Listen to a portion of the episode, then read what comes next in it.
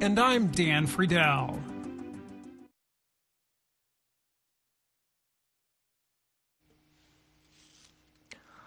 halkani waa washington laanta af soomaaliga idaacadda v o a oo si toosadan kaga baaqaysa mawjadaha gaagaaban ee lix iyo tobanka iyo sagaal iyo tobanka mitrband iyo boggan v o a somaly com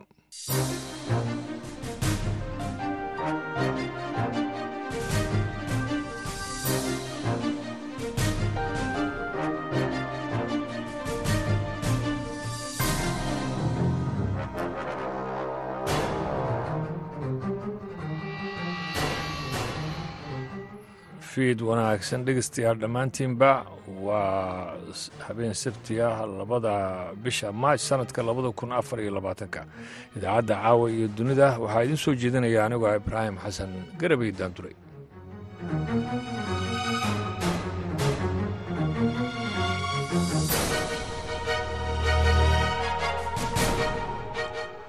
qodobada aad ku maqli doontaan idaacadda. Waxaa ka mid ah dagaal dhimasho iyo dhaawac sababay oo saaka ka bilowday deegaanada ku dhow degmada jamaame ee gobolka jubbada hoose.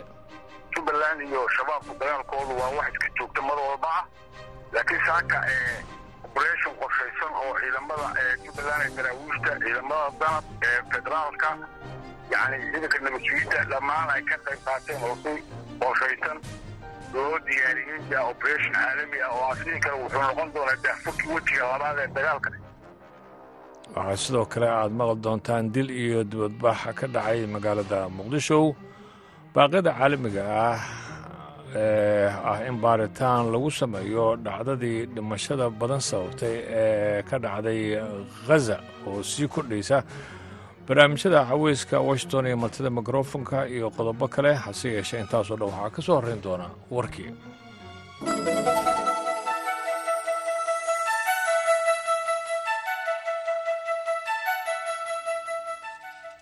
falastiiniyiin badan ayaa lagu dilay ama ku dhaawacmay fawdo dhacday iyagoo isku dayay inay bacabura ay ka qaataan kolonyo gargaara kuwaasi oo ay haleeshay rasaas ay fureen. Ciidamada israa'el sida uu sheegay adeega diblomaasiyadeed ee midowda yurub maanta oo sabti ah iyadoo uu ku baaqay in baaritaan caalami ah la sameeyo.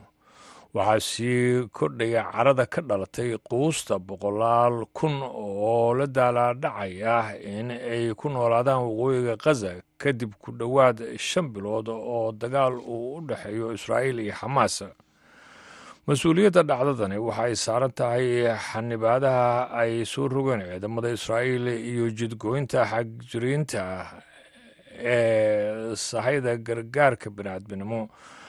Sida lagu sheegay adeega waxqabadka dibadda ee yurub dowladda caalamku u aqoonsan yahay ee yemen ayaa waxa ay bayaan ay soo saartay maanta ku sheegtay in markabka xamuulka ee rubimer ee laga leeyahay dalka britain sitana calanka belize ee la weeraray bishii horeeto uu ku degay koonfurta badda cas ee yemen haddii la xaqiijiyo taasi ayaa rombemer waxa uu noqon doonaa markabkii ugu horreeyey ee la waayey tan iyo markii xuutiyiinta xagjiriinta ah ay bilaabeen beegsiga maraakiibta ganacsiga bishii nofembar bayaan ka soo baxay dowladda ayaa waxaa lagu sheegay in markabkaasi uu degay habeennimadii jimcaha iyadoo bayaankuna uu ka digay masiibo deegaan markabkaasi ayaa siday in ka badan kuwii afartan kun oo tan ee waxyaabaha bacriminta ah markii la weeraray sida hore uu u sheegay taliska dhexe ciidanka maraykanka.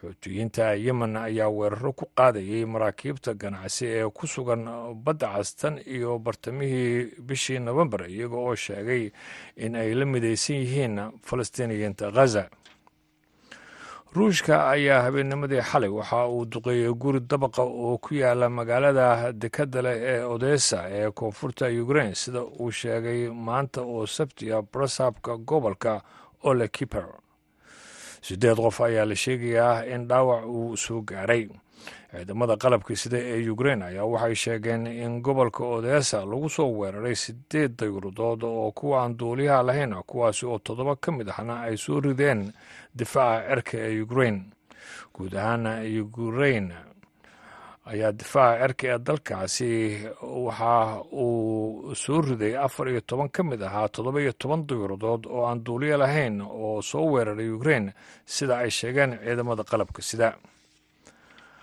ra'iisul wasaaraha dalka holland mark rut ayaa heshiis dhinaca ammaanka ah. Waxa uu kula seexday ukrein jimcihii magaalada kharkif ee waqooyiga bari ee dalkaasi isaga oo sheegay in holland ay gacan ka geysan doonto maalgelinta sahayda siddeed boqol oo kun oo rasaasta madaafiicda si ukrein markaasi ay isaga caabiso ciidamada ruushka ruute oo booqasho lama filaana ku tegay kharkif oo afartan kilomitir u jirta xadka ruushka ayaa la kulmay madaxweynaha dalkaasi ukrein zelenski waxaana uu noqday hogaamiyihii toddobaad ee reer galbeedka ah ee heshiis amni oo toban sano ah la seexday ukrein labadii bilood ee u dambeeyey holland ayaa tabaruci doonta hindisaha jamhuuriyadda jek ee ay ku iibinayso siddeed boqol oo kun ee rasaasta madaafiicda sida ruut uu ku sheegay shir jaraa'ida oo uu sheegay in ay gaari doonto ukrein toddobaadyo gudahood. Warkeena dhegeystayaal waa nagaytaas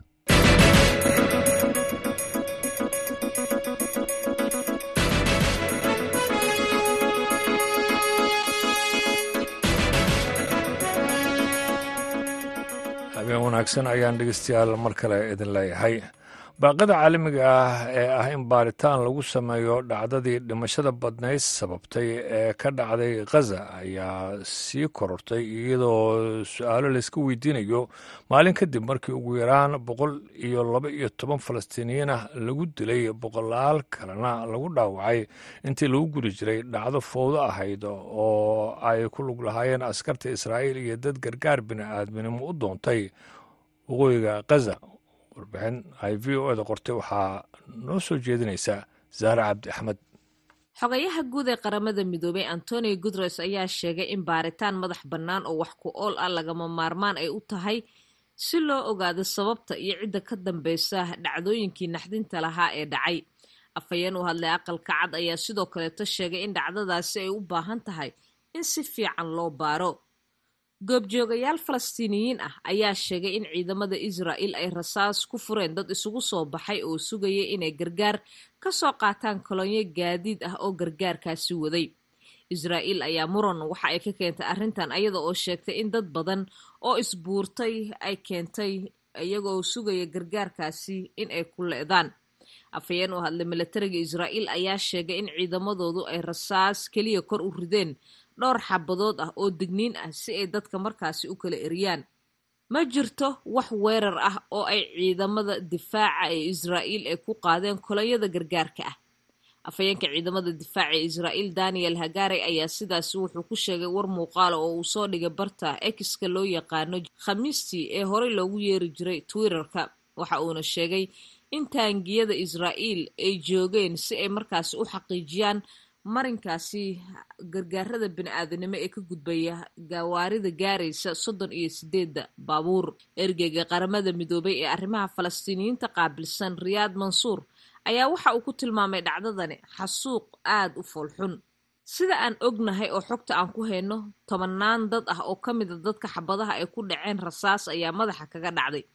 Sidaasi ayuu u sheegay suxufiyiinta khamiistii dadkii ku sugnaa goobtii uu ka hadlay mana aha sida xabado cirka loo riday si loo xakameeyo dadka haddii ay jiraan jahwareer iyo fowdo waxayna ahayd si ula kac ah mid loo beegsanaya dadka oo lagu dilay ayuu yiri. Qaramada midoobey ayaa sheegtay in koox wadajira oo ka socota xafiiska bini-aadanimo ee sanduuqa carruurta ee qaramada midoobey loo soo gaabiyay unisef iyo ururka caafimaadka adduunka ee w h o ay booqdeen isbitaalka ugu weyn magaalada gaza ee al-shifa jimcihii waxay geeyeen daawooyin tallaalo iyo shidaal si ay markaasi gacan uga geystaan hubantida in xaruntaasi caafimaadka ay sii shaqayso sidaas waxaa yiri afhayeenka qaramada midoobey stefane dujarik isagoo u sheegay suxufiyiinta hadalkaasi. Isbitaalka al-shifa ayaa lagu soo waramayaa in uu xaqiijiyey in in ka badan toddoba boqol oo qof oo dhaawacyo qabo. Shilkaasi isla maalinkaasi dhacay loogu geystay khamiistii halkaasi dadka falastiiniyiinta inay soo gaareen dujaarig ayaa waxa uu sheegay in ilaa iyo laba boqol oo qof ay ku hareen isbitaalka. Dowladda baraaziil ayaa jimcihii sheegtay in xabad joojin deg deg ah ay sidoo kaleeto muhiim u tahay si gargaaro loo gaarsiiyo dadka ku tabaalaysan gaza ee dhibaatooyinka bini-aadanimo ay haystaan. Bini-aadanimadu waxa ay ku fashilantay dadka rayidka ee gaza waxaana la joogaa wakhtigii laga fogaan lahaa xasuuqyo cusub ayaa lagu yiri bayaan ka soo baxay brazil madaxweyne biden ayaa waxa uu walaac ka muujiyey khamiistii in dhacdadii kolonyadaasi gaadiidka ah ee gargaarada wada dadkii u soo istaagay ee dhimashada iyo dhaawaca wadarta loo wada geystay ay tahay mid aad looga argagaxo. Isla warbixintan ay qortay v o e da ayaa waxa ay soo xiganaysaa midooda yurub germany dowladda ingiriiska talyaaniga iyo kuwo kaleeto oo dhammaantoodba dhinacyadu ay dalbanayaan ayagoo cambaarayay falkaasi in baaritaano madax bannaan ay muhiim tahay in lagu sameeyo dhacdadaasi. Rabshadaha ugu dambeeyey ayaa tirada dadka ee falastiiniyiinta ah ee dhintay dagaalkaasi shanta bilood jirsaday. Waxa ay ka badan tahay soddon kun oo qof iyada oo toddobaatan iyo kow kun oo qof oo kaleetana dhaawacyo ay soo gaareen. Kuwo kaleetana lagu la-yahay burburka guryaha hoostooda ah sida ay sheegtay wasaaradda caafimaadka ee xamaas ay maamushay gaza. Dagaalka gaza ayaa waxa uu ka dhashay markii xamaas ay weerar ku qaadeen gudaha israa'iil halkaasi oo ay ku dileen kun iyo laba boqol oo qof oo israa'iiliyiin ah. Afduubna ay u geysteen laba boqol iyo konton kaleeto kuwaas oo ku dhowaad boqol ka mid ah. La sii daayay muddo kooban oo hakad ah bishii novembar eena dhaaftay sannadkii hore. Warbixintaasi ay qortay v o a. Waxaa soo jeedinaysay zahra cabdixmed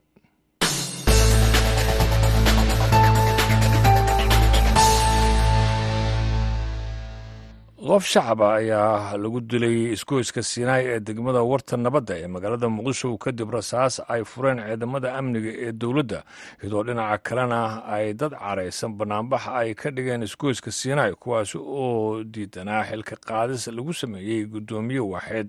Cabduqaadir maxamed cabdulle ayaana warka nooga soo diray muqdisho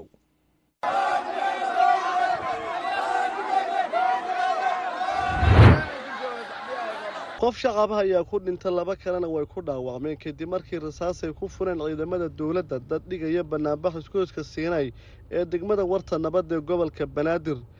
Dadka dhigaya banaanbaxa ayaa ka qaraysnaa khalka qaadis lagu sameeyey guddoomiye waaxeed ka tirsanaa maamulka degmada warta nabadda ee gobolka banaadir. Qofka dhinta ayaa la sheegay inay haleesho rasaasay fureen ciidamada amniga dowladda soomaaliya waxaana dhaawac soo gaara laba qof oo kale iyadoo iskooska siina uu ka dhacay. Banaanbax markii dambe rabshad isku bedela dadkuna ay gubayeen taayaro ciidamada amniga dowladda soomaaliya ayaa u xaqiijiyey v o e da in askari ka tirsan kuwa booliska loo soo qaray dilka loo geysto qofka shacabka ee ka dhaca iskooska siinaay sidoo kale ila ka tirsan kuwa amniga dowladda soomaaliya ayaa u sheegay v o a in la soo xiray askar saarneed gaari kuwa ciidankoo maraya iskooska siinaay xilliga rabshaduhu ay socdeen kaasi oo rasaas furay qaar ka mid a dadka ka dhigaya banaanbaxa isgoyska siinay ee degmada warta nabadda ayaa sheegay in banaanbaxoodu ahaa mid nabadeed balse markii dambe isku bedelo rabshado kadib markay rasaasay ku fureen ciidamada dowladda soomaaliya. Nabadeed iyo quluubtooda wixii ku jiro dadka iyo boorar wato ayaa xabada lagu garaacay. Waxaana leeyahay saldhigga hordhigay laakiin kolle waa la wada baaraha baaritaankana macnaha wuu socdaa ma hor dhacayno. Meedkana wuu noo yaalaa mana qaadayna mana qaadi doono. Ilaa dowladda heelaha amniga dadka qaabilsan dadka nidaamka iyo sharciga sharciga ilaa laga ogiy ka imaahayo xaqeen iyo xaquuqdeenna macnaha aan helayno meeshaan anaga meelaan ka aadayno ma leh. Warkeena waa dheer yahay ilaa gees ilaa geesay dadka wada taagan yihiin meedkana sidoo u taagaya fijeerna ma gelihayno mana geli doonno waana la laayey waana la laayey maydaa hadda dhex agtooda yaal waxaa laga qabta cabashadooda si degdega waxaan leeyahay gobolka baraandirow adaa ugu horreeya. Dadkan waxa deji kara waa gobolka baraandir bannaanbax nabadeedna jooji maayaan intii wax laga qabanaayo saldhigga werdhiigley nimanka ka socda ayaa hul u leh. Dhimasho ninkaanaa dhintay oo hadda aad u jeediin indhahana ku haydiin toodiina tiisiina way dhammaantay waa xugun ilaahay annaga wiil iyo naag iyo wiila ku dhaawacmay. Cabdulqaadir okey v o a muqdisho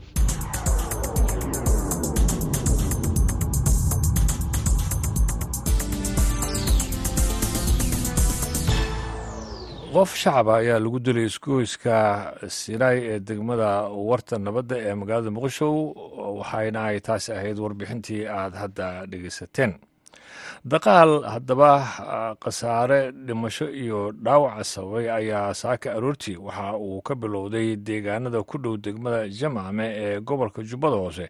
Kadib markii ciidamada jubbaland iyo kuwa xoogga dalka ee danab oo iskaashanaya ay qaadeen weerar deegaanka baar sanguuni oo markii horeeto ciidamada ay uga soo baxeen fatahaadihii ku dhuftay gobolka awgood wixii markaasi ka dambeeyena degmadaasi ay la wareegeen kooxda al-shabaab balse saaka ayaa mar kaleeto dagaal ay kula wareegeen ciidamada jubbaland. Dhimasho iyo dhaawac labada dhinaca ayaa la sheegayaa iyadoo jubbalandna ay soo bandhigtay maxaabiis iyo hub ay kala wareegeen kooxda al-shabaab. Haddaba wariyaha v o a aadan maxamed salaad ayaa waxa uu ka wareystay arrintaasi afhayeenka ciidamada jubbaland gaashaanle dhexe maxamed faarax daahir. Bismillahi waxaan kolka horanta dhammaan ummadda soomaaliyeed iyo khaasada jubbaland iyo idaacadda v o labadaba waxaan leehay asalamu calaykum waraxmatullahi wabarakaatu markaan intaa ka gudbo dee kolley jubbaland iyo shabaabku dagaalkoodu waa wax iska joogta mar walba ah laakiin saaka operation qorshaysan oo ciidamada jubbaland ee daraawiishta ciidamada danab ee federaalka yani ciidanka nabadsugiidda dhammaan ay ka qayb qaateen oo si qorshaysan loo diyaariyey yaa operation caalami ah oo aan isdhihi kara wuxuu noqon doonaa daafurkii wejiga labaad ee dagaalka. Nimankaa iyo khawaarijta dalka lagaga xoreynayo yaa ku qaaday deegaanka laamida oo dee xagga jilib ah laga bilaabo singaler ilaa ciidan gudbay oo mataqaanaa jamama dhankiisa u gudbay labadaa hadba ciidanka operation caalami ay saaka ka sameeyeen. Waayahay marka weerarka ma idinkaa qaaday mise al-shabaab ayaa soo qaaday?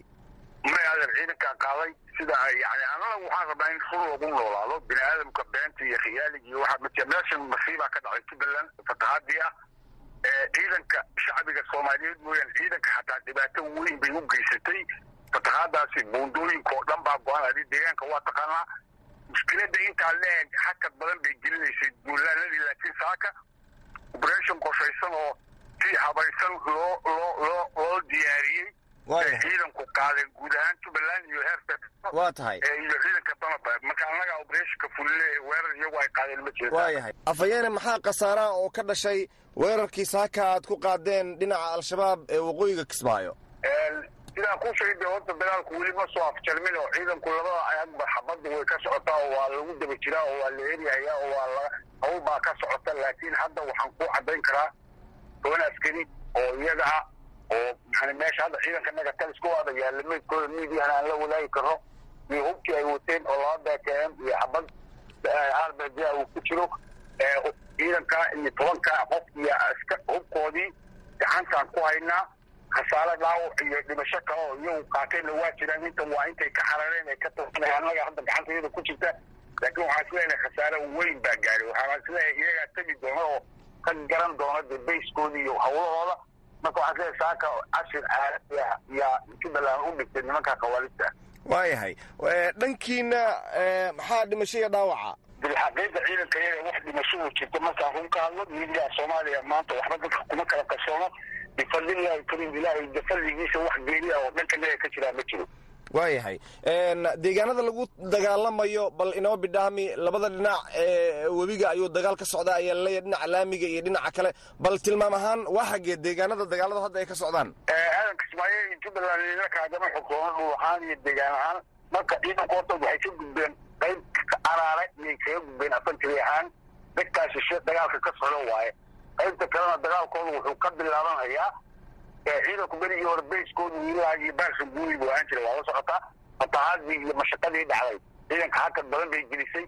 Habadda marka saaka waxay ka bilaabanaysay ilaa iyo mataqaanaa singalay eriyada ilaa baarka guuri waa laysla dhaafay.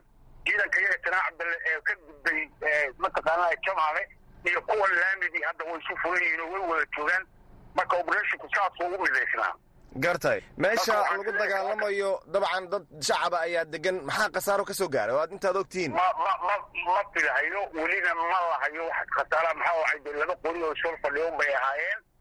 Juulaha oo hadda lagu diriray ma jirto? Dhulka inta badan lagu dirirayo waa kaymo iyo waxay ku jiraan iyo geeda ay saaraayeen iyo waxaasa iska ahayd. Marka ilaa hadda wax khasaaro shacbiga oo jira oo aan ogahay ama laii caddeeyey ma jirto waayahay ugu dambayntii howlgalkan qorshihiisa ama ujeedka aad ka lahedeen muxuu ahaa? Hadeer de horta waxaa waaye shabaab iyo jubbaland dagaalkoodu laba iyo toban sano u jirsaday si joogta ah oo maalinla ah. Laakiin de waxaan is leeyahay intii fatahaaddu ay dhacday hakad baa ku yimid. Oo mashaqadaa fatahaaddu ay keentay dagaalku yacni xoog kuma soconin marka laga hadlaayo dhankan oo gosha la yidhaahdo ee waqooyiga koonfur ee waqooyiga waqooyiga bariga kismaayo ah. Marka mar haddii de biyihii ay fududaadeen waxaa khasaba in cadowga laga durkiyo deegaanadan ay joogaan yacni dee sidabana loo gacangeliyo oo hankooda iyo hawadooda la jebiyo waayo kaasina dhegeystayaal waxau ahaa afhayeenka ciidamada jubbaland gaashaanle dhexe maxamed faarax daahir wuxuuna u warramayay wariyaheena v o a ee kismaayo aadan maxamed salaad. Haatana waxaad ku soo dhowaataan barnaamijka martida mikrofoonka. Waxaa soo jeedinaya cabdixaafid cawil ismaaciil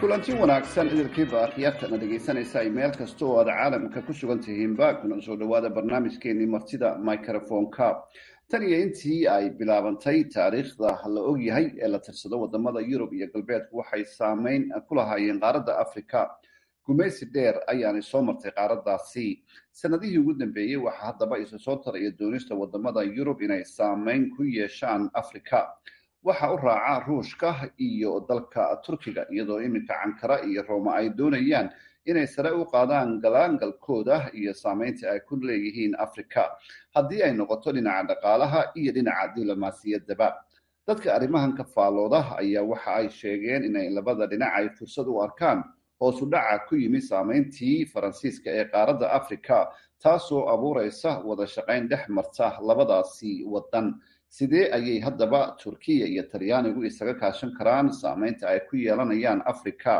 africa se diyaar ma u tahay inay ka faa'iidaysato? Mise waxa ay noqon doontaa qaarad laga faa'iidaysto barnaamijkeena martida? Ayaynu ku eegi doonaa haddii ilaahay raalli ka noqdo waxaana inoogu marti ah maxamed xasan dable oo ah falanqeeyo degan magaalada leicester ee dalka britain. Maxamed aad iyo aad ayaad u mahadsan tahay kuna soo dhowow barnaamijka martida microfonka cabdi xaafid waan dhowahay aad iyo aad baad u mahadsan tahay adiga iyo bahda v o a somali waan idin salaamaya adiga oo maxamedow soo koobaya taariikhda marka loo noqdo waddamada reer galbeedka iyo africa taariikh nooc ma ah ayaa lagu tilmaami karaa? Cabdixaafidow taariikhda africa iyo yurubta galbeed runtii waxaa lagu tilmaami karaa mid madow oo reebtay mahadho aan weligeed la ilaaweyn. Sababtoo ah qaaraddaasi africa waxaa gebi ahaanba gumaystay quwadihii markaa ka jiray yurub sida faransiiska talyaaniga ingiriiska iyo qaar kale. Runtii gumaysigaasi dhaawac weyn buu u geystay qaaradda ilaa iyo maantana inay kor u soo kacdo caqabad buu ku yahay. Waxaa kaloo weheliyey gumaysiga ka ganacsigii dadka madow iyo addoonsigii la addoonsanayey oo ay noqotay mid sidii badeecada loo kala loogu kala gooshiyo dunida dacladeeda. Meelo badan maraykanka maxay aheeday iyo yurubba loogana faa'iidaysto wax soo saarka dalalkooda. Marka wax weyn bay ku reebtay. Markii xataa dowladahan ay xoroobeenna weli si dadban ayuu gumaysigii u sii socday oo madax bannaani buuxdo ma aynan helin iyadoo oo si dhaqaalaysan loo gumaysanayey oo deeq iyo shuruudo lagu xirayna. Ay mataqaanaa deeq ay uga maarmi waayeen ay ka maarmi waayeen oo uga imaanayso dowladihii hore u gumaysan jiray taasoo shuruudo ku xirnaa ka dhigay lahaystayaal. Marka mar walbaba taariikhda waa mid madow. Waa tahay. Dhowaan maxamedo waxaa soo baxay in turkiya iyo talyaanigu ay iska kaashanayaan inay saameyn diblomaasi iyo mid dhaqaale ay ku yeeshaan africa maxaad is leedahay waxa ay yihiin sababaha ugu waaweyn? Cabdixafid sababaha ugu waaweyn waxaa ka mid ah adduunkiioo macnaha dhibaatooyin fara badan hadday noqoto xagga dhaqaalihii hoos u dhacay sicir bararo kor u kacay iyo saameyntii dowladihii markaa labadii isdheelitiri jiray oo meesha ka baxay oo hadda ay marayso xilli la joogo multipolar oo ah mar ay dunidu garba siman tahay. Marka quwadihii hore u lahaan jiray heybadda iyo maxay aheeday iyo saamaynta ee horeyna gumaysiga uga soo qayb qaatay waxaad moodaa maanta fursad ay u wada siman yihiin inay u soo baxday. Waxaan aragnay shirarka afrika iyo iyo ruushka ay yeesheen kuwa shiinaha iyo afrika ay yeesheen kuwa afrika iyo maraykanka ay yeesheen kuwa afrika iyo ingiriiska ay yeesheen kuwa afrika iyo talyaaniga ay yeesheen. Ilaa iyo yani tiradu kooban maaha. Macnaha shirarka aad bay u socdaan marka waa la danaynayaa khayraadkiina afrika ayuu ceegaagaa dunida kalena waxaad moodaa in mataqaana ay gudhay oo mataqaana waxba aanan ku soo harin hadda. Marka nin walba iyo quwad walbaba waxay rabtaa inay ciriirsato sidii barliin oo kale waagii waxaa loogu magac daray scramble for africa. Mar kale hadda inay dib u soo cusbaanaanaysa ayaad moodaa waa tahay haddii aynu eegno markaas maxamedow africa oo imika wadamo badan oo ku yaalla konton sano in ku dhow ay xor ahaayeen diyaar ma u yihiin inay ka faa'iidaystaan wadamadaasi iyaga u tartamaya inay saameyn ku yeeshaan? Haddii ay noqoto dhinac dhaqaale iyo dhinac diblomaasiba nasiib daro cabdixaafidow diyaar umaaha umana bisla sababtoo ah waxaa adduunka hortaagnaa marka hore waxyaalahan la yidhaahdo xeerarka caalamiga iyo qawaaniid waxaana hadda waxaad moodaa inay burburtay haddana waxa shaqaynaya uu yahay sida hadda waaqica ay ku sugan tahay xoog iyo ninba tabartiisa iyo itaalkiisa wuxuu doono in uu sameyo marka quwadahan waaweyn naftoodu dana iyo masaalix bay kala leeyihiin lakiin afrikaanka diyaar umaha umana bisla runtii hadday noqoto xag musuq maasuq iyo hadday noqoto xag maamulba oo maamul wanaag aynan meesha ku haynin uma bisla. Marka waxaad moodaa inay halis u tahay in mar labaad ay noqdaan maxay aheeday kuwo mataqaanay ay ka soo gaarto waxyeelooyin damaca dowladahan horay u soo macnaha gumaystay qaaraddaasi marka africa weli diyaar uma aha waa tahay waxa aad ka dhawaajisay in si dadban uu gumaysi u iman karo. Marka loolalkan ay galbeedka ruushka laftiisa iyo turkiba ay ugu jiraan africa waxyaabaha aad is leedahay way muujinayaan in uu dhinac ka noqon karo gumaysi dadban. Maxaa ka mid a waxaa ka mid ah in mataqaana ay noqoto in maxay ahday dowladnimadoodii iyo hanaankii ayaga waxay u wateen iyo madax banaaninoodii ay mataqaana ay socon kari weyso.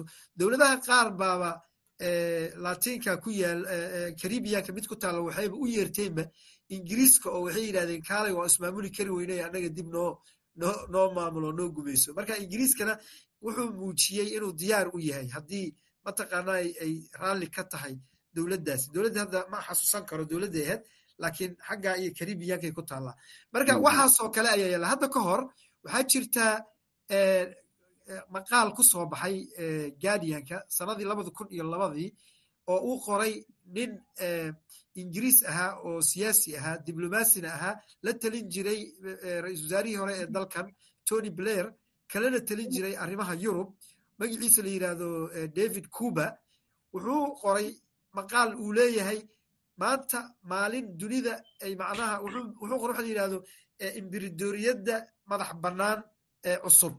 Marka wuxuu ka waday in yacni maanta dunidu ay u bisishahay buu yidhi in la gumaysto lakiin kuma dhici karno oo dadka yagii wacyigoodii baa sarreeyaayo nalaga yeeli maayo. Marka si xirfadaysan in loo gumaysto africa ayuu soo jeediyey. Arrinkaana maraykanka waa looga riyaaqay waxyaabaha keenay in dowladdii ciraaq lagu dumiyo oo sadaam xuseen xilka looga tuuro si xooga ayay doodaasi ka mid ahayd. Qayb weyna ka qaadatay. Wixii ka dambeeyena de dalal badan ayaa lagu xalaaleystay marka meelaha qaarkood in loogu soo gabado way ismaamuli kari waayeen. Khatar weeye argixisaad joogtaa arrimahaasi iyo iyo maxay aheeday musuq maasuq iyo kooxa mataqaanay dembiilayaal ah oo dunida mataqaanay khatar ku ah. Arrimahaasa mataqaanay loogu iyo xuquuqul insaan dowladuhu intay dacati sameeyaan marka iyadoo la isticmaalaya waxa la yidhahdo responsibility to protect oo labadii kun iyo shanta golaha guud ee qaramada midoobey uu soo saaray. Haddii dowlad xuquuqul insaanka dalkeeda ay ayadu wax ka qaban weyso ciddii doonayso ee kale ee huwan ah inay faragelin ku samayn karto. Marka waxyaabahaas oo dhan runtii way bannaan yihiin oo dal waxaa dhici kartaa inuu intuu iska dhaqaaqo dal kale uu mataqaanaa dhex galo uu yidhahdo waan xasilinaya. wa wa wa waa hagaag. Waxa aad ka dhawaajisay in waddamada maraykanka ruushka sidoo kale turkiya iyo wadamo kamida yurub ay kulamo la yeeshaan loogu yeedho kulanka africa iyo ruushka oo kale oo ay dhacdo in madax badan oo afrikaan ahi ay la kulanto tusaale ahaan madaxweynaha ruushka oo kale. Taasi saameyn intee leeg ayay leedahay in labaatan mas'uul in ka badani ay hal madaxweyne la kulanto iyaga oo qaarad dan ka socda.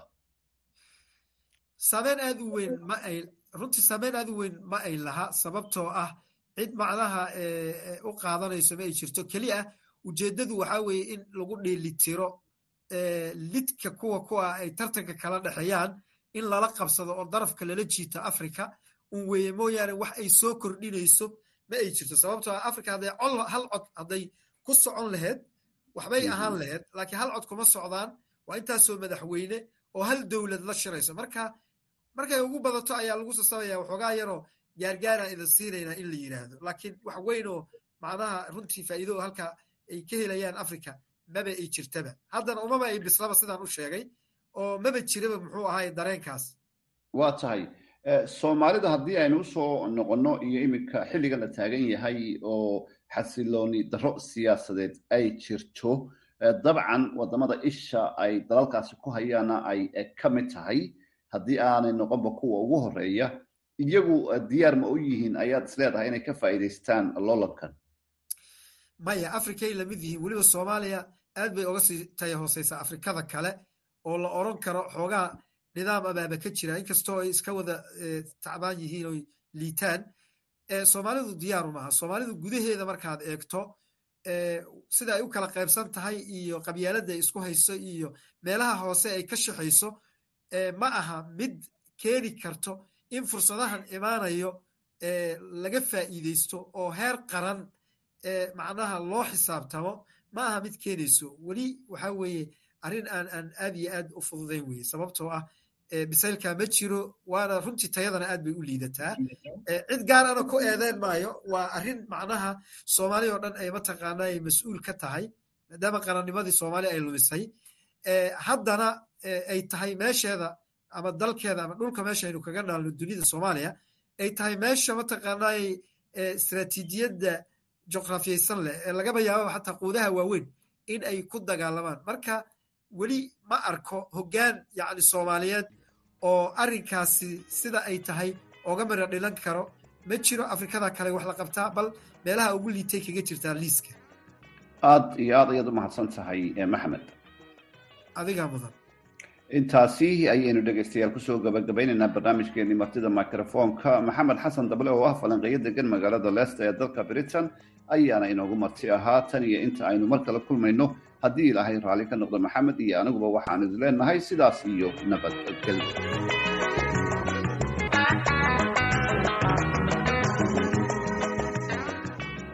haatana dhegeystayaal waxaad ku soo dhowaataan barnaamijka caweyska washington. Dhegeystayaal waxaa iga xusuusinaya in barnaamijkan qaar badan oo ka mid a aad hore u dhegeysateen waxaad soo jeedanaysaa caashi ibraahim aadan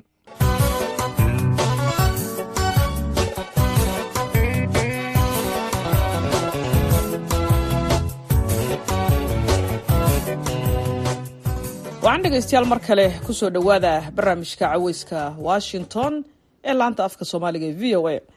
Barnaamijka caweyska ee caawana waxaan idinku hayaa mar wuu kaa farxinayaa mar wuu kaa oohinayaa mar wuu kaa qoslinayaa mar waxaad ogaanaysaa laba ku aqalgashay australia qolo kaloo awaara ku dhimataad ogaanaysaa adeerkaabaad maqlaysaa oo ku dhintay holland ku dhintay. Wax uun baa la maqlayaa intaa waa fanaanada cadar axmed kaahin iyo sheeko qosol leh oo ku saabsan shabakada facebook. Sidoo kale waxaan barnaamijka idinku maqashiin doonaa.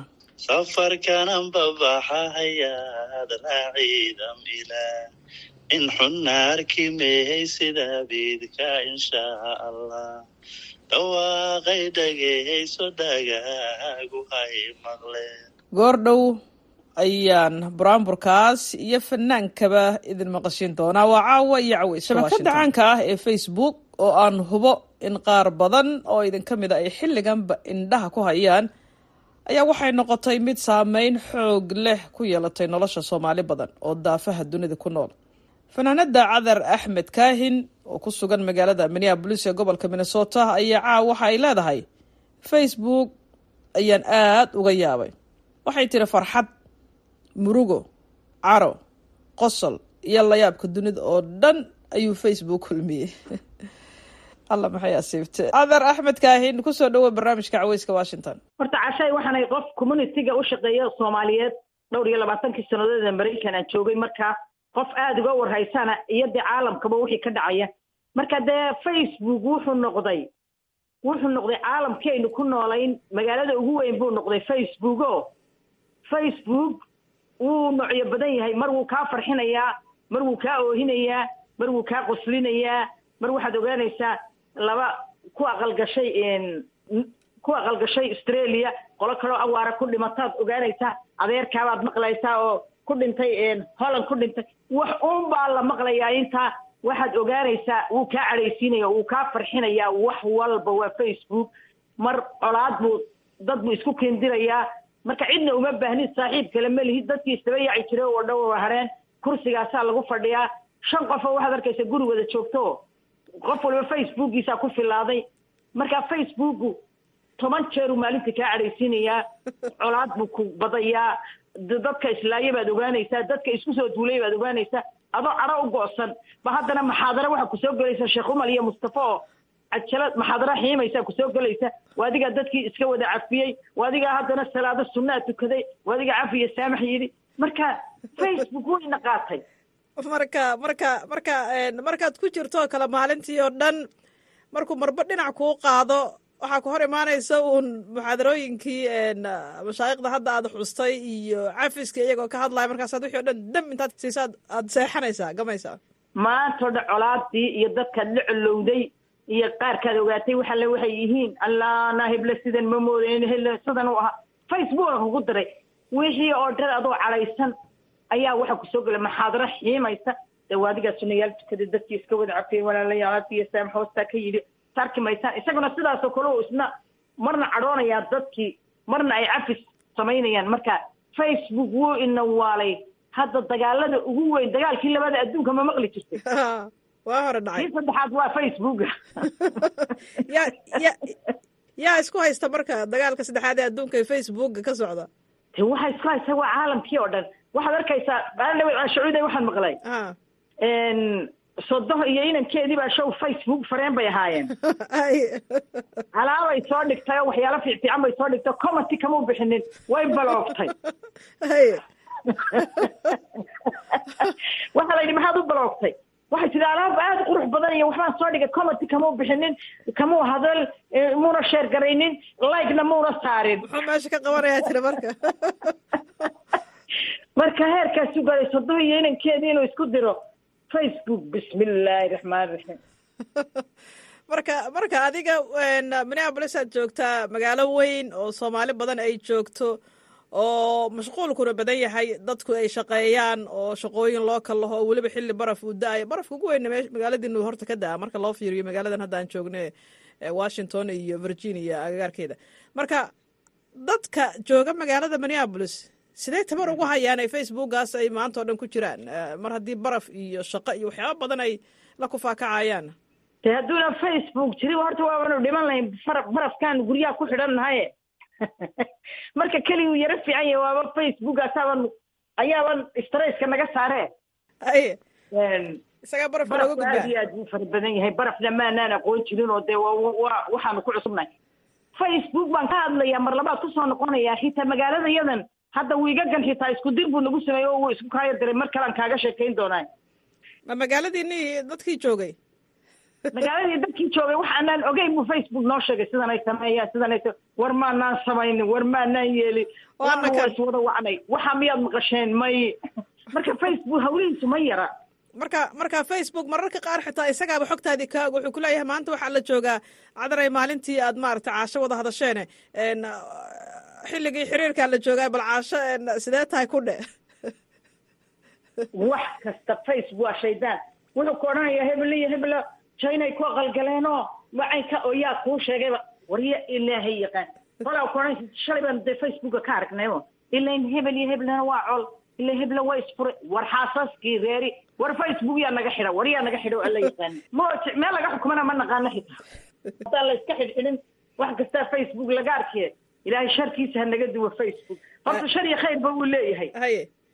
Dee dad badan badan badan badan waxyaalo aadan xafideen xadiisyo aadan xafideen ducooyin aadan xafideen wixii oo dhan buu ku xafidsiinaya adoon gurigaaga dhaafin. Waa macad aad ku jirto. Adoo qiiraysan oo sheekhada buu ku imanaya wuxuu ku odhanayaa hebel iyo hebla waxay sameeyeen. Waabad xanaaqdayba le. Marka marka marka dadka marna wuu kiciyaa marna wuu dejiyaa. Isagaa marba dhinacu doona ka baxaya isagaa ina xukumaan ku idhi. Wow marka hadda hadda tusaale kale waxaan joognaa xilli dambaan joognaa galaba ama habeena tan iyo maanta waaga markuu beriyey dhowrkii saacadood ee la soo dhaafay maxaa kaa farxiyey ama kaa caraysiiyey ama kaa nixiyo facebook aad ku aragto cadare? De horta dhibaatooyinka soomaalida ka dhex dhaca oo badan oo badan oo iga nixiyo oona raalli ka ahayn oona doonaynin oo ka naxay oo dadkaygii ah baan ka arkayaa meel heblaa hebel iyo hebel baa ismaagay hebel iyo hebel baa iscaayayey meel heblaa la galay meeshaa xabad baa ka dhacday waxaa markaan maqlaan qaraacmaya miyaan waxaan ku farxo oo badan ba hadda ka arkaabo de soomaali baan ahay. Ma soomaali iyo farxad baaba isu dhow. Wax badan oon ku farxo talow beryahan miyaan farxadba waxaan isdhaha waad ku farxay. Horta dee dadkii wax wanaagsan ba ma geliyaan facebooka moogtahay wuxuun bay geliyaan. Maxaa ugu wacan baa is leedaha marka? Maxaa dhacay? Maxaa lagu arkay? Waxa weeyaan dadkii afartankii sane u dambeeyey koray.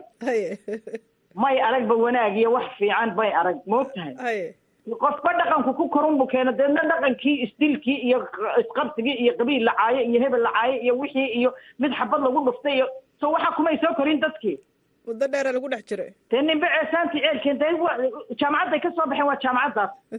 Hadda bulsho badanaa ku dhegaysanaysa cadare hadalkaagana meel fog ayaa laga yaabaa inuu ku dhaco. Dad badan oo facebooka ku jirana way ku dhegaysanayaan oo facebookii bay kaa dhegaysanayaan oo v o eda bay kaa dhegaysanaya maxaa u sheegi lahayd adigoo ka faaidaysanaya bal fursadan inta ku dhegaysanaysa ku maqlaysa hadda. Sax weeyaan. Waxaan ku waanin lahaa ama aan ka codsanayaa ama aan ka barayaa dadkaas soomaaliyeed. Ilaahay baan idinku dhaariyey. Wax wanaagsan geliya facebook ila kolla dayn mayno isagayna xukume. Wax wanaagsan ood aakharana ajar ka hesho adduunkana aad magac wanaagsan ku hesho. Oo dadkeenna anfacaya geliya. Waxa xun ha gelinina waxa isku keendiraya ha gelinina. Waxa qalbiga inaga dilaya ha gelinina. Ilaahay baan idinku dhaariyay wax aakhira iyo adduunba idin anfaca wax wanaagsan sheega. Qofkii wax wanaagsan sheega meel walba waa laga ogyahay dadkuna waa u duceeyaa marka waxaan idinku waaninaya wax wanaagsan sheega. Ilaahay baan idinku dhaariyay waxa xun inaga daaya inaga daaya waxba ma taraya adiga facebook ma leedahay cadare? Oo miyaan ka baxaa dad dad aad balogaraysay oo like kuu saari waaye ama sheer dhihi waaye waxaad soo qorta amaad soo dhigta ma jira. Ma sheegay ma sheegay inay bartaan ma doonaye kolley dadkaasaan ka mid ahay kow dhe wax xun ma dhigo anigu waxa xun ma sheergareeyo waayo waxaan ogahay waxa xun inuuna waxba anfacaynin. Aakhiradaydana uu xun yahay dee qof weyn baan ahay. Oo xun baan fadin karaya ilaahay baan kugu dhaariyay marka ma sheergareeyo waxa xun ma sheergareeyo xitaa dadka ugama sheekeeyo waxa xun oo waxaan sidhahdaa intuu qof kale u sii sheego ayuu dembi kaaga kordhaya qof ilaahay weji ka rabtaanahay. Qof mus soomaali weji ka rabtaanahay. Marka waxa xun ma sheergareeyo aad ayaad umahadsan tahay cadar axmed kaahin. Fanaanka da-da yar ee mukhtaar maxamed cali dalmaryare oo caaw marti igu ah qaybtan dambe ee barnaamijka caweyska washington ayaa aada iiga yaabiyey markii aan ka codsaday inuu barnaamijka marti ku noqdo caawa anigoon ka hor dhicin layaabkaasi aan marka hore soo dhaweeyo dalmaryare dalmaryare marka ugu horeysa soo dhawow waxaad ku soo dhawaataa barnaamijka caweyska washington iyo caashacuud mar kale. Caashacuud oo ku salaamaya afar iyo tobankii boqolka. Aad baan u dhowahay waad mahadsan tahay waana ku faraxsanahay inaad barnaamij xiiso badan oo aada lagugu yaqaano inaad mar labaad ku soo noqoto boqol kiiba boqol aad iyo aad baan ugu faraxsanahay waan ku salaamaya waa tahay salaamullaahi. Magacaaga horta bal dadka u dhamaystir dalmaryare dadka aada kugu yaqaanaan magacaygu waa mukhtaar maxamed cali laakiin bulshada waxay i taqaanaa dalmaryare weliba waxaan filayaa meeshu meeshay dalmaryare igu baxda inaad goobjoog ka ahayd baan filaya caash waaya na xasuusi bal waxay ahayd aniga oo aad baan u yaraa markaas xamar barnaamij aan aniga iyo macalin bashiir maxamuud cabdi bashiir badane barnaamijkii ugu horreeyey oo aan sameeyo riwaayad waxay ahayd la yidhahda tuugadii toobad keentay oo macalin bashiir uu sameeyey. Riwaayadaasna waxaan ku jiray magaca dalmareere aniga oo waxaan u malayna sagaal jir baan markaa toban jir meelahaas. Wow marka xilligan barnaamijkaas kaa duubaayad sagaal jir ahayd. Ah aad iyo aad. Barnaamij ha la iska duubo oo bulshada halala qaraaxaysto oo halala madadaashadaa la isku ogaay hala iskashifamaa la isku ogaa dalmar?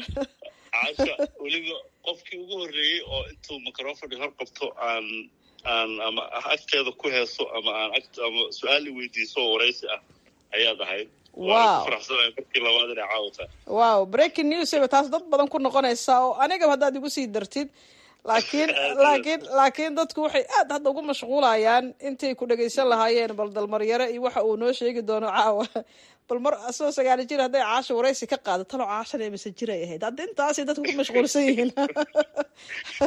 Bal haddaan ku xasuusiya caasha barnaamij haama dhowr la dhihi jiray oo aad samayn jirtay. Barnaamijkaas aniga iyo allah u naxariistay awkuku awdango macalin bashiir group badan dhalinyaro fara badan oo ciyaalka iskuolka ah oo awdangana kabanku noo garaacayaan malaynayaa iyo macalin bashiir waxaan ku duubnay sarti ku taalay maxaan ku idhahdaa number afar. Number afar agteeda ha garaashkii xaaji dool agtiisa. X inuu inuu weli jiro ma xasuusto. Aad iyo aad. Waa xarun waa xarun waa xaruntii ay unesco deganeed aad baad u xusuusataa qudhaydaad xusuus hore i geysay markaan runta ka hadlo. Waxay ahayd bal sanadkana dadka haddaad u sheegtay aniga kolley waa xusuustaa bal dadka adigu ha kaa dhegaystaan sanadka waxaan ka baqayaa inay calculation sameeyaan. Calculator qaataan oo labadeena badaadeena ay soo saaraan. Marka maadaama sagaal jirku iga fakaday markii hore waa waa sanadka waa ka cudur daaranayna ma garat maya maya anaaba dadka u sheegaya xilligii la duubi jiray barnaamijkaas wuxuu ahaa intii udhexeysay sannadkii laba kun wixii ka dambeeyey octoobar marka aniga aan ku biiray waagii cabdiqaasin uu magaalada xamar yimid areadaas waqtiyadaas. Maya anaaba xusuusta waxay ahayd labadi kun iyo kowdii ilaa labadi kun iyo labadii marka xiliyadaas ahayd aadaan xusuustaa macalin bashiirna wuxuu ka mid ahaa tiimkii aadka u qiimaha badnaa ee idaacaddii hoon africa aan ka wada shaqaynaynay. Markaas oo aan ka tego unesco aan ku biirayna weli waan daba socday sababta wuxuu ahaa bashiir badan wuxuu ahaa nin cajiiba oo weliba qudheedaan ku xusuusanayo markaan hoon africa ka soo tegeen ka soo wareegayay buraanburu ii tiriye bashir badane. Marka waa malaha meelaha magaca bashir badane loogu bixiyo dhinac looga baxsanayo male aad iyo aad waxaan xusuustaa haddaan aan ku taataabto riwaayadda markaan sameynaynay waxay ugu horreeyan sameeyay ahayd xaafaddiisaa laigu geeyey marka xaafadda laigu geeye waxaa layidhi wiilkan uu cod macaan yahay bal tababar oo barnaamijyo oo waxbarashada ku saabsan oo heesa waxbarashada ku saabsan anaashiidii waxaa u dhiibbaa lagu yiri marka markuu tijaabiyey wuxuu ii soo qaatay raadii iyo cajalad. Wuxuu duubay riwaayaddii oo dhan isagoo iska dhigaya qof kasta oo riwaayadda ku jiray codkiisa. Hadday gabar tahay hadday wiil tahay hadday oday tahay.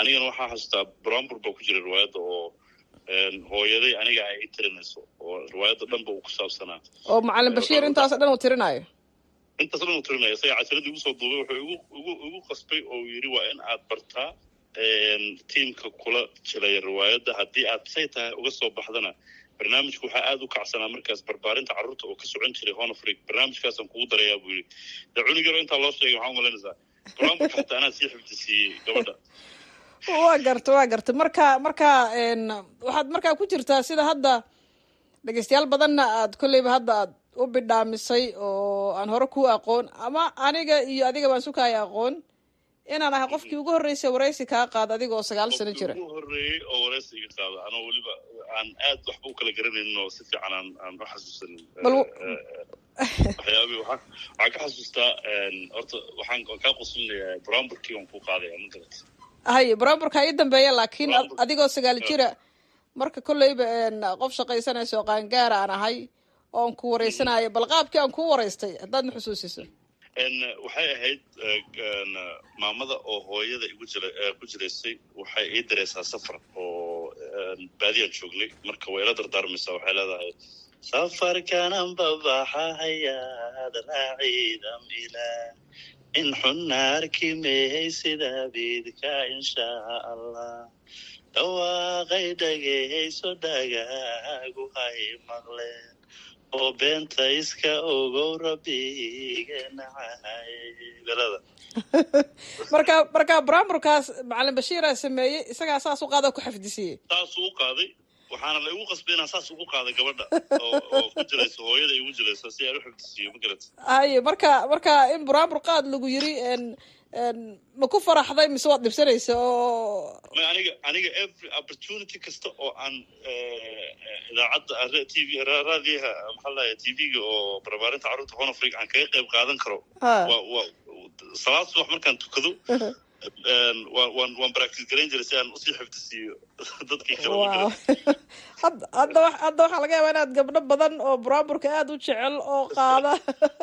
Ah caawa markay ku dhagaystaan inay lafahooda u baqaan oo yidhahdaan ilaahay idinkuma soo daayo dalmaryare tababarkii macalin bashiir aa ugu jira iyaga naftirkooda haddii loo baado waa loo sameynaya. Wow wow wow dalmaryar waan ku faraxsanahay mar kale in adigoo yar inaan ku waraystay caawan adigoo weyn oo nin weyn ah muddo kadib inaan ku kale waayahay magaala magaalada minneapolis aad joogtaa xilligaasaad sagaal jirka ahayd heese maadan qaadi jirin laakiin waxaad ahayd in in maaragtay uu koley sida muuqata anaashiid anaashiidda iyo waxyaabahaasaan qaadi jiray eh, oo heesaha waxbarashada iskuulaadka ha fanka fanka fa- fanka kaa dhex guuxay marka hadda fankaagii banaanka u soo baxay dhalinyaro badanna way ku dhegaysataa marka markii aad timid een, tusaale kale dalkan maraykanka gaar ahaan magaalada minneapolis oo hadda aad ku nooshahay. Siduu fankaagii marka ilan buraanbur aad ka soo bilowday oo qayb ka ahaa oo qayb ka ahaa barbaarintii barnaamijyadii macalin bashiir uu sameyn jiray ood qaybta ka ahayd. Sida haddaad u qaadeen cod aada u qurux badan ay wish inaan saas u qaadi karo udhayda marka marka muxuu markaad timid minneapolis oo kale sugaantii iyo heesii aad qaadaysa iyo qaabkii aad fanka u arkaysay maxaa iska bedelay waxaa horta ka horreeyey eh, waayaa cusub. Markaan xamar imid markaan nairobi aan- soo guuray nairobi markaan u soo guuray waxaan bilownay barnaamij eh, koox la odhan jiray waayaa cusub oo aan qayb ka ahaa asaaskeedii Eh, kadib aniga oo fanku si fiican aan banaanka ugu soo bixin baan halkan imiday meeshana waa taqaanaa waxaa ka horreeya horta waxaa ka horreeya fanka waxaa ka horreeya inaad aad balarta noloshaada xasiliso xasilintii noloshana cabaar la- la harsaday kadibna de waxan waa balwada wuxuu ilaahay kugu abuuray oo maskaxdaada ku jiro. Waa markaasaan heesii ugu horreeyay soo saaray oo aan isla soo saarnay farxiyo kabeere runtii eh, fankii de halkaas jiray iyo kanna isku mid maaha. Kan waa waa fan ku ah shaqadaada labaad oo aad markaad jaanis hesho un aad samaynayso kaasna eh, kii wadankiina wuxuu ahaa eh, talentigaaga aad boqol ka shaqeyn laga qof ka shaqeynaya fanaanka kala bedelayeen ah haddii had- halkan aad fankii un u go'do noloshaadii kale qabyo noqonaysa noqon nolosha kala qabya noqonaysa ha. Marka waa waa inaad isku dhex wado weeyaan shaqadii iyo fankii iyo iyo noloshii kale inaad isku dhex wado weeyaan aad iyo aad aad iyo aad bal hal hees oo laga yaabo inaad aada u jeceshahay dad badanna ay kula jecel yihiin ood og tahay bal nala wadaag caawa waxaan kula wadaagayaa hees heesahayga heestaan ugu jeclahay waxaa la yidhaahdaa dooldhooli dhabanada casankee lagu dheehay quruxodiyo dhexdamada galamoodiyo luquntaadan dhabiga dhulahaa cadankiyo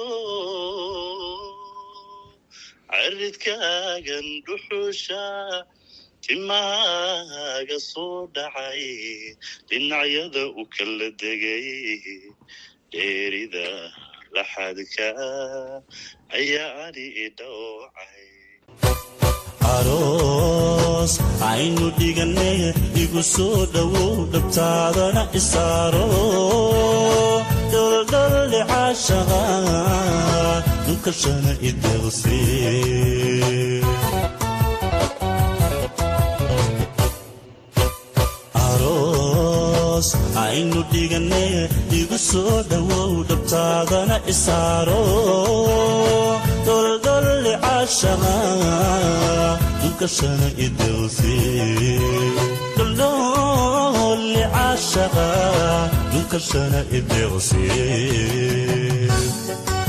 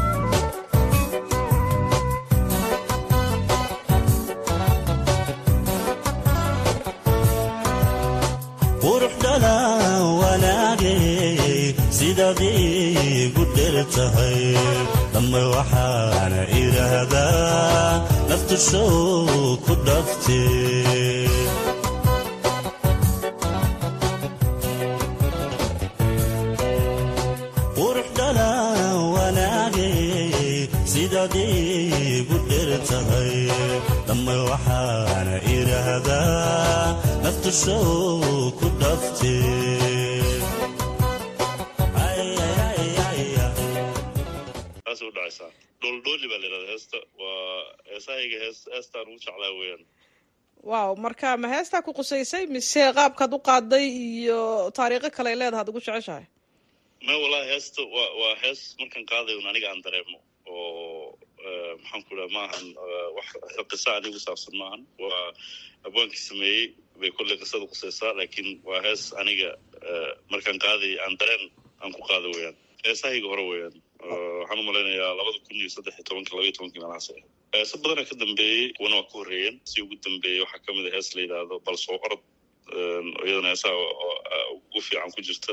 Eh, way badan yihiin heesaha aada u badan yihiin M- oo ka hadlaysay heestaasi bal soo orod. Ees jacayl wey iyadan oo loo qaadayo gabar aada u qurux badan oo dhaqankii soomaalida iyo diinta uu ka muuqdo oo iyadoo qurbad joogta u adkaysatay inay dhaqankeeda ilaaliso.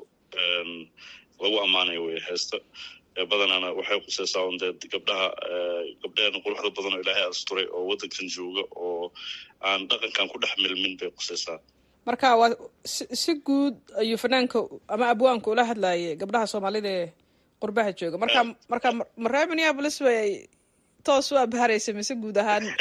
Way guud ahaan gabdhaha guud ahaan gabdhaha ammaanaysay waxaa sameeyey faarax murtiile een, laxankii mirahaba isaga iskale. Eh, faarax murtiile askale haysta sidee u dhacaysa heestaasna qadar yar sidii ubaxada udgoon tahayo indhaash qararo aad geliso cadceedufiso arliga nuurtiyo ilaskii dayaxaad u eg tahay anigu ama kaagay quruxdaadu qofkii ku arkaa indhaha tagiyo hablaha afrikaadu sida tayo. Aqoon diinba ada ku soo ababto hablaha udongee arliga soomaal ayadan shaxoodi leedahay weliba edebtoodi sida taa bal soo orod wabanoo malehe anigu waan fariira midabkaagu afkiyo indhahaaga quruxda leh ilkaha cadcad baa isoo jiito midaan kuwa dhigo mabaan narago. Hablaha udugee aniga soomaal ayadan shaxoodi leedahay weliba edebtoodi sida halkaad dhegeystaad weli naga socotaan. Waa laanta af soomaaliga v o a washington. Barnaamijkiina intaas ayuu ku dhan yahay caweyska washington iyo idaacaddeenii intaan markale hawada ku kulmi doono sidaa iyo nabadgelyo agta imo waana saysanahe